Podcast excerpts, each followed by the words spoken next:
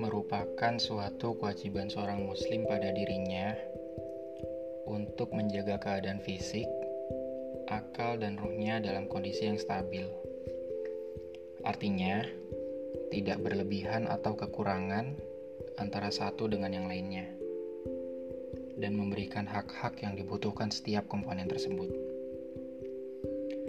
Disiplin terhadap fisik artinya berusaha sekuat tenaga untuk menjaga kesehatan badannya agar fisiknya kuat dan kokoh. Ia pun akan terbiasa untuk mengatur pola makan, minum, olahraga, membersihkan diri dan bersih pakaiannya, serta berpenampilan baik. Dengan begitu, ia sudah bijak dalam menjaga kekuatan dan kekokohan fisiknya yang kemudian akan ia gunakan untuk kepentingan dakwah dan ibadah kepada Allah Subhanahu wa taala. Tentunya melalui jalan hidup yang sudah ia pilih. Disiplin terhadap akal artinya memahami betul bahwa ilmu pengetahuan adalah suatu kewajiban dan kemuliaan bagi seorang muslim.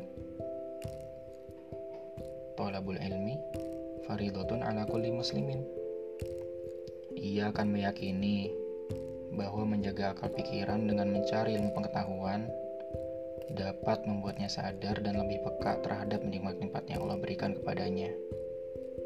Dan tentunya dapat menambah keimanannya kepada Allah Subhanahu wa taala.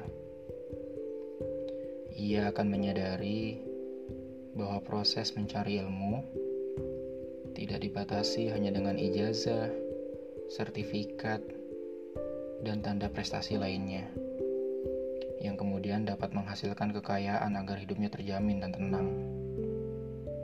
Tidak sekedar itu, karena ada yang lebih dari itu. Proses belajar yang benar adalah kesinambungan dan kebersambungan dalam menelah ilmu pengetahuan. Tidak pernah putus. La tazalu aliman ma kunta muta'allim Faida stagnaita kunta jahilan. Kamu senantiasa menjadi orang yang berilmu selama kamu mencari ilmu. Apabila kamu sudah merasa banyak ilmu, maka sesungguhnya kamu adalah orang yang jahil atau tidak berilmu. Dengan memahami konsep tersebut, ia pun terdorong untuk mahir dalam ilmu yang wajib dimiliki seorang muslim. Ilmu yang menjadi pondasi dan nilai dari Islam, yaitu Al-Quran, hadis, sirah dari Rasulullah SAW, para sahabat, para tabi'in, dan juga ulama muslim lainnya.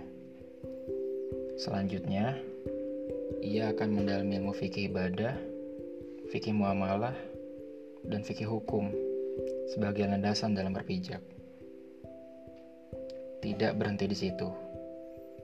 Ia juga akan selalu berusaha untuk menjadi seorang pakar di bidang yang sudah ia pilih, baik di bidang syariah dan agama maupun ilmu yang lainnya, seperti kedokteran, astronomi, arsitektur, dan lain sebagainya ia akan senantiasa terdorong untuk mendalami bidang yang sudah ia pilih.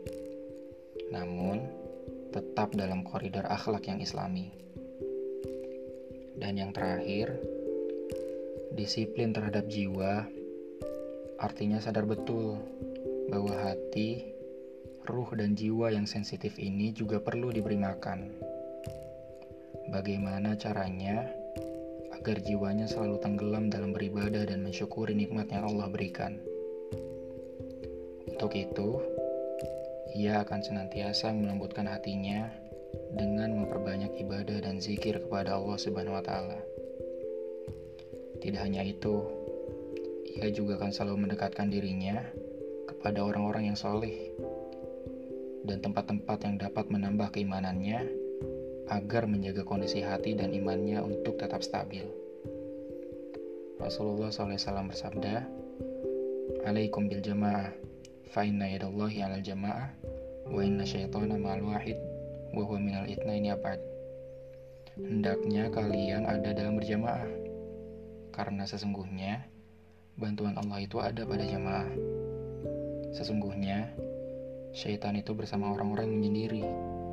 Tetapi jika berdua atau lebih, syaitan akan menghindari. Teman-teman semua, apa yang sudah kita dengar tadi, ia merupakan suatu gambaran dari pribadi seorang Muslim yang ideal. Apabila kita belum ada di tahap itu, belum ada di level itu, mari kita cicil sedikit-sedikit bersama-sama. Selama kekuatan masih ada, umur masih Allah berikan, aku rasa tidak tidak ada alasan bagi kita untuk tidak berusaha menjadi lebih baik setiap harinya. Maka dari itu, memang tidak bisa langsung sempurna, tapi sedikit-sedikit dicicil pasti bisa. Sedikit-sedikit asal istiqomah, itulah yang Allah sukai. Bismillah. Semoga kita semua tetap sabar dan tawakal dalam berproses. Yakin sama Allah, Allah pasti memudahkan jalannya.